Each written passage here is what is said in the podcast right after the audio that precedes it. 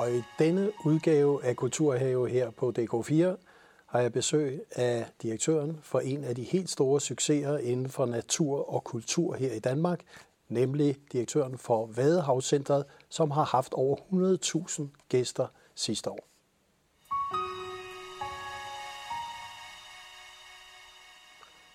Og velkommen til dig, Claus Melbæk. Tak skal du have.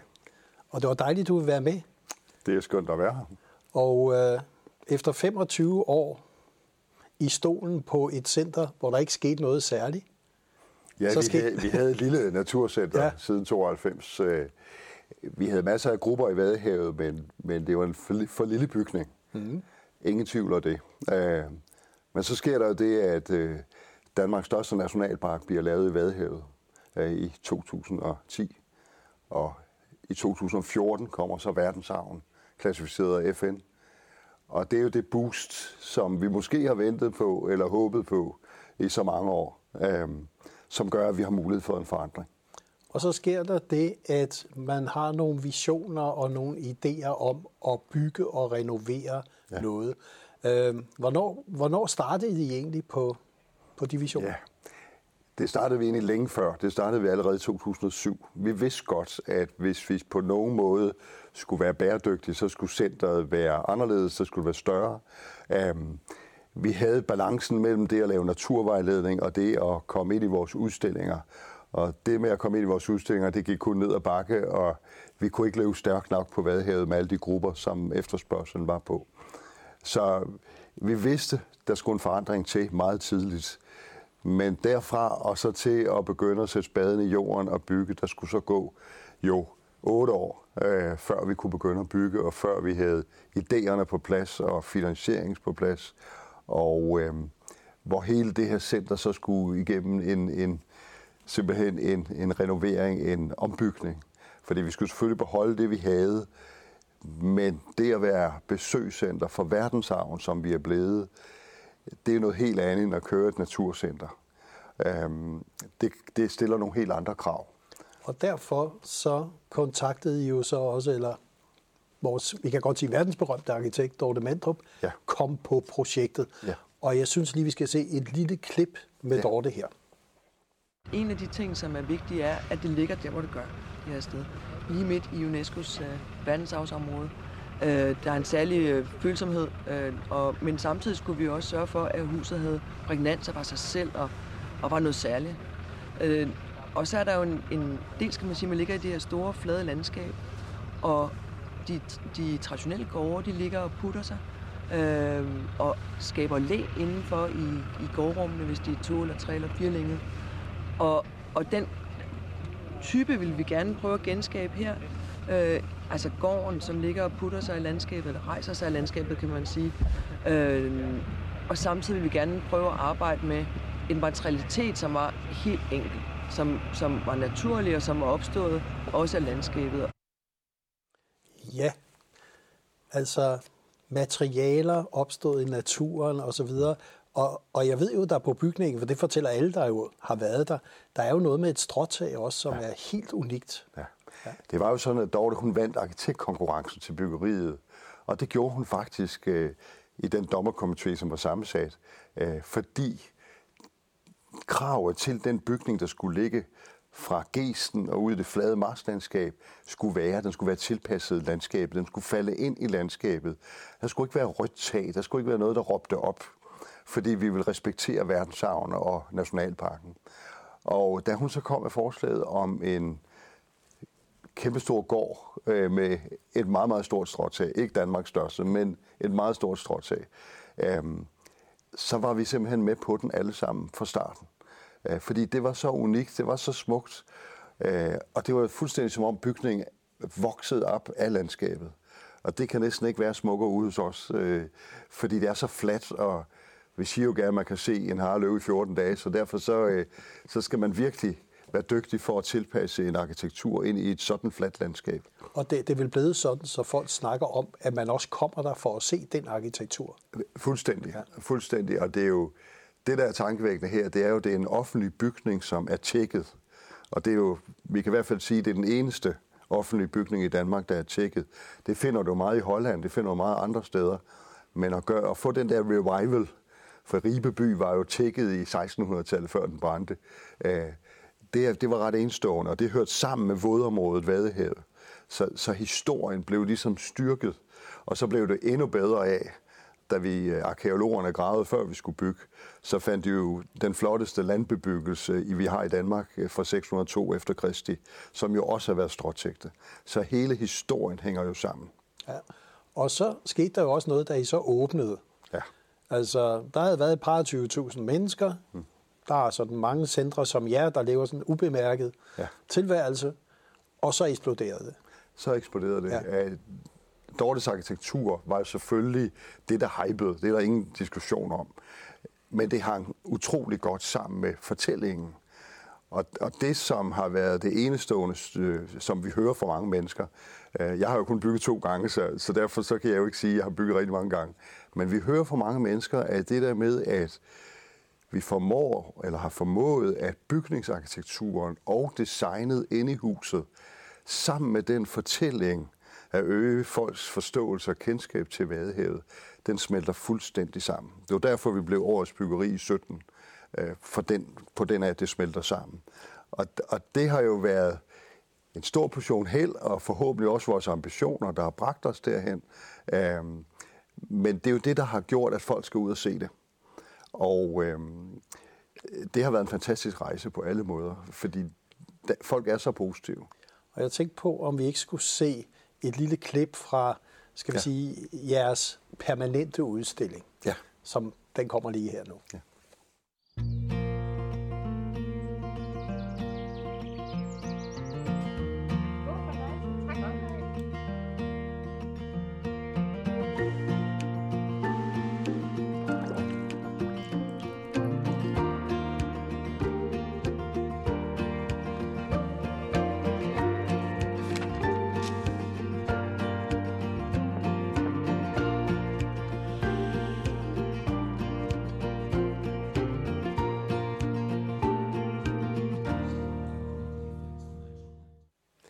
Og de klip, vi så her, de er jo primært fra udstillingen Trækfuglenes Vadehav, som jo er vel kernen i, i jeres fortælling. Det, jamen det er det. Altså, der, det er jo sådan med Vadehavet, at der, den binder den østatlantiske trækrute sammen, og der kommer 15 millioner trækfugle på, på vores trækrute fra Sydafrika op til Sibirien. Og øh, derfor har vi sagt, at vi skal fokusere på det, der er kernefortælling. Og kernefortælling er trækfuglene. Der er nogen, der kalder det lidt våget, for den, den kunne umiddelbart tro, at det var en smal udstilling. Men vi gør det jo på den måde, vi kigger på vadehavet gennem trækfuglene. Og det vil sige, så opererer vi også igennem det univers, som vadehavet er. Øhm, men det er natur i første omgang. Nu har vi så lige åbnet en lille kulturudstilling, men, men det er trækfuglene, der er hele kernefortællingen i vadehavet, og som vi har en meget, meget stærk forpligtelse overfor. Og det er derfor, det er det, der ligesom er budskabet. For at forstå Vadehavet, dets dynamik og alt det, der sker derude, så skal man forstå trækfuglenes lange trækrejse. Og, og nu adskiller I jo fra mange andre museer eller institutioner, der kommer man ind, ser en bygning, går ind og ser nogle udstillinger og siger, det var fint. Her er jo et besøg hos jer jo ofte noget helt andet og meget længere varende. Det, det er det, fordi vi har jo, vi har jo to heste, kan man kalde det. Vi har vores udstillinger, og så har vi vores naturvejledning. Og, og det er meget stærk professionel naturvejledning med mange øh, naturvejledere. Vi er et af de, de steder i Danmark, der har flest naturvejledere. Vi laver over 1000 arrangementer om året, og mange af vores arrangementer varer 5-7 timer. Øh, så det, det er lange arrangementer. Det vil sige, at man får vadhavet helt under huden. Skal du ind og hente, eller skal du ud og hente øster, så skal du gå 3 km ud og 3 km hjem. Skal du på sæltur, så er det også 5 km. Det er alt sammen noget, der tager tid, fordi man forstår kun vadehavet, hvis du er i det længe nok, til det kommer ind i hjertet, plejer jeg at sige. Og det synes jeg er rigtigt, fordi det er noget med, at man kan ikke bare lige dufte til det og så væk. Man skal være der, man skal fornemme det, man skal se tidevandet, og man skal se trækfuglene og hele den dynamik, som foregår derude. Og det er vel interessant, at i en tid, hvor tingene skal gå hurtigere og hurtigere, ja. og vi skal være på vores sociale medier hele tiden, så kan du altså godt få folk til at bruge en halv dag. Ja, sagtens. Ja. Og, og, Og det fortsætter. Det er jo det, der er det fantastiske. Det fortsætter, at øh, man vil ud. Man vil ud og have den oplevelse samtidig med, at man er ind i noget smukt. Altså, vi har jo lavet et hus, og vi kalder det gerne en, en slags nordisk design. Både Dorte og Johan Karlsson, som er vores udstillingsdesigner, har virkelig ramt det der nordiske, det stærke nordiske med, med det milde og det dæmpede og alligevel de stærke historier. Øhm, fordi når vi laver udstillinger på den måde, så er det for at respektere det derude, som er på samme måde. Og det vil sige, tid er en ressource, men vi bliver gladere, nu roligere den tid er. Fordi vi har netop skærmene. Vi kan rigtig meget med skærme, men du kan ikke få den fornemmelse, som det er at gå derude. Så, så det hænger rigtig godt sammen. Og det giver vel også noget, at vi kan gå alle aldersgrupper ja. og målgrupper, som vi siger, kan sammen få en oplevelse. Jamen og præcis. Forstå. Ja. Jamen præcis. Altså, det er jo, vi er jo til for alle. Det er jo, attraktioner bliver jo altid spurgt, hvad, hvem er jeres målgruppe? Og, og jeg engang imellem, så smiler jeg lidt og tænker, det er da et sjovt spørgsmål, fordi det er jo hele Danmark og hele udlandet, der er vores målgruppe. Og det er jo meget bredt fagnende og kan godt skyde i alle retninger. Men egentlig ikke, når det handler om natur og forståelse og viden. Fordi den viden, vi formidler, det er jo på alle de niveauer. Øhm, masser af børnehaver, der kommer, jamen de får en anden historie, men de er jo lige så glade, og får de glæden ind, så er vi startet, kan man sige, den formidling. Og når vi for eksempel i udstillingen har nogle gipsfugle, jeg ved ikke, om du kunne forestille dig sådan 400 skolegrupper, der går forbi nogle gipsfugle, så tænker man, de går i stykker. Men selv syvende klasser, de rører dem med en finger og respekterer det smukke, det æstetiske. Og det er jo det samme, vi skal gøre med naturen. Så hvis vi kan lære den der balance, at vores ligesom dominans og tilstedeværelse, den bliver afdæmpet, så får vi en langt bedre naturforståelse og en langt bedre respekt for det derude. Nu har du været i 25 år, har du fulgt, skal vi sige, befolkningens og de forskellige grupperinger, aldersgruppers forståelse af naturen. Ja. Er den gået opad eller nedad? For der er jo mange, der er meget bekymret, ja. siger, vi er ved at miste forståelsen ja. for vores natur. Jeg vil sige det på den måde. Det, der forskrækker mig lidt, lidt i den her tid, det er jo, at man er enormt bange for bakterier. Man er enormt bange for at blive beskidt. Vi har sådan en berøringsangst lidt. Øh, almindelige skolepiger har spritflasker med. Der hænger sprit alle steder. Øh, nu er det ikke moderne at vaske hænder længere. Nu skal vi sprittes af. Jeg tror, det er usundt. Øh, jeg tror, vi virkelig skal prøve at tilbage og lære vores generationer, at det er faktisk godt at blive beskidt. Det er faktisk godt at få bakterier. Fordi det der med store naturoplevelser, det tror jeg, vi alle sammen godt kan. Når havørnen kommer, når gæstene kommer, når sælerne er der, når stærne laver sort sol, så er vi alle sammen vildt begejstrede. Men vi er nødt til at forstå, at hvis vi skal blive sunde og hele mennesker, så skal vi have nogle ordentlige bakterier. Og det lyder underligt, men, men det, det skift har jeg set. Altså, jeg har set kollegaer, der begynder begyndt at tage gummihandsker på, når vi skal røre ved mus og andet. Det mener jeg er et skridt, som er forkert. Vi skal helt klart uh, vise, at vi tør spise en rå reje.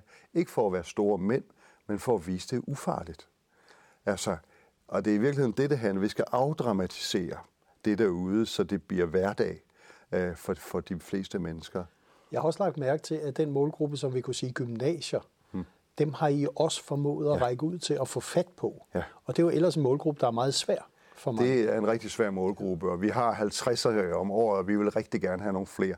Men jeg har jo biolog ansat som naturvejleder, og det betyder, at øh, vi laver nogle rigtig faglige forløb, som er rigtig gode, og som starter klokken 9 om morgenen og slutter klokken 5 om eftermiddagen. Altså det er lange forløb, man får virkelig noget. Og så er man først ude på feltarbejde, ude og være ude i det, og lave prøver og kvantificere og gennemgå alle de læringsforløb, vi har, fordi alle læringsforløbene er bygget op på de mål, vi skal i forhold til gymnasier og folkeskole. Um, og det betyder, at lærerne kommer, og det er fantastisk, at de bliver ved med at komme, også de samme gymnasier. Um, og jeg håber meget, at vi kan øge den gruppe, fordi lige præcis ungdommen har brug for at uh, få fingrene i det. Uh, vi obducerer æderfugl for eksempel. Det er sådan noget, man ikke gør i skolerne længere, for det er for uoverskueligt. Men det kan vores naturvejleder gøre, fordi vi samarbejder med jægerne i området. Vi er jo en del af den samtid, som Danmark er lige nu. Og det vil sige, at der jagt, så formidler vi jagt, men vi formidler også, hvad der sker ved jagt. Og vi går så ind i dyrene og, og ser på helt banale ting, kan man sige, men som er enormt vigtige, fordi det betyder, om vi har berøringsangst eller ej. Og jeg tænkte på jeres samarbejde med skoler, gymnasier, hele uddannelsessystemet, børnehaver osv. Det er vel det, som alle beder om i øjeblikket fra kulturinstitutioner og naturinstitutioner. Der har I jo egentlig fundet en eller anden nøgle på det. Hvis du, skulle, hvis du sådan skulle prøve at sige, hvad er det, der gør, at I kan fastholde og stimulere mange af de unge? Og det er vi slet ikke i tvivl om. Vi er slet ikke i tvivl om, hvad det er, der gør, at vi er attraktive for gymnasier og folkeskoler. Fordi i og med, at vi har biologer som naturvejledere, så sørger vi for, at den fortælling, vi kommer med, den er fagligt funderet, og den er stærkt fagligt funderet. Jeg bliver tit spurgt, hvad er det vigtigste, det, det, det formidlende, det pædagogiske eller det faglige. Nu synes jeg ikke, det er ting, man kan skille ad nødvendigvis. Men jeg siger, at den faglige fortælling er den vigtigste. Fordi hvis du har din faglighed i orden i din fortælling, så kan du faktisk nå de fleste mennesker. Du skal selvfølgelig kende din grænse for, om du bliver professor eller ej. Det skal du ikke. Du skal selvfølgelig øh, over for de forskellige målgrupper, vi har, tilpasse historierne. Men fagligheden er alfa og omega i den fortælling, vi har som formidler.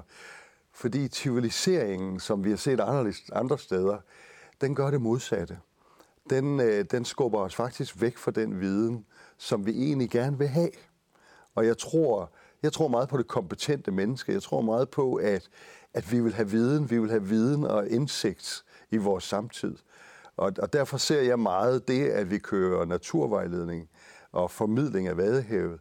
Det er en meget, meget vigtig demokratisk proces i forhold til resten af Danmark og den selvforståelse, vi har. Vi skal kende vores land. Vi skal vide, hvad vi er stolte over. Vi skal vide, at vores kultur den bygger på det og det. Og meget af vores kultur på Vadehavskysten bygger jo på den natur, der er derude. Og derfor er den fortælling rigtig, rigtig vigtig at gøre ordentligt. Så, så jeg tror, at vores succes, og det siger lærerne jo også til os, det er, at vi har nogle rigtig gode undervisningsprogrammer, vi har nogle gode formidlere, øh, og vi har et godt fagligt niveau. Og det synes jeg er super interessant også i sammenhæng med, at I også spiller en rolle for hele lokalområdet, man kunne sige for hele regionen. Ja. I har jo lige pludselig, er I jo ikke bare nogen, som går ud i naturen. I er jo også en økonomi. Ja. Altså, jeg, fordi jeg er en af de gamle naturvejledere går, så er jeg rigtig glad for egentlig at have oplevet det her med at gå for at formidle oplevelser til nu at formidle oplevelsesøkonomi.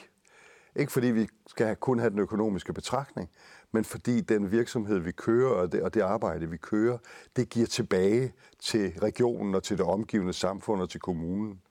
Øhm, jeg synes, det er enormt vigtigt, at man er bevidst om, at man har en plads i det regionale. Og når jeg snakker med, og det gør jeg helt bevidst, jeg er sådan en direktør, jeg kører ud med folder en gang imellem, for jeg skal snakke med dem, der står på den anden side af disken. Og når jeg så hører, at en, en overnatningssted har fået 4.000 overnatninger på grund af os, eller vi har fuld hus øh, nede på Klager og nede i Ballum, hele tiden hører den historie, og de har alle sammen været op hos jer, så bliver jeg jo stolt, fordi så skabes der arbejdspladser. Og det er jo ikke, det, det er den ene del af historien. Den anden del af historien, det er jo, at vi har, øh, vi har 44 virksomheder, som støtter kulturen i Ribe og øh, i Kulturklub Ribe. Og det gør de, fordi de skal kunne tiltrække attraktiv og kompetent arbejdskraft. Og, og det bruger de også kulturen til. De har forståelse for, at kultur og samfund hører sammen. Og det er, det, det synes jeg er rigtig, rigtig vigtigt i forståelsen af det, vi laver. Og så tænkte jeg på, at så har I jo netop åbnet en kulturudstilling, som I kalder det, Vadehavs Fortællinger, som åbnede i påsken. Ja. Jeg synes lige, vi skal se et lille klip fra ja. den.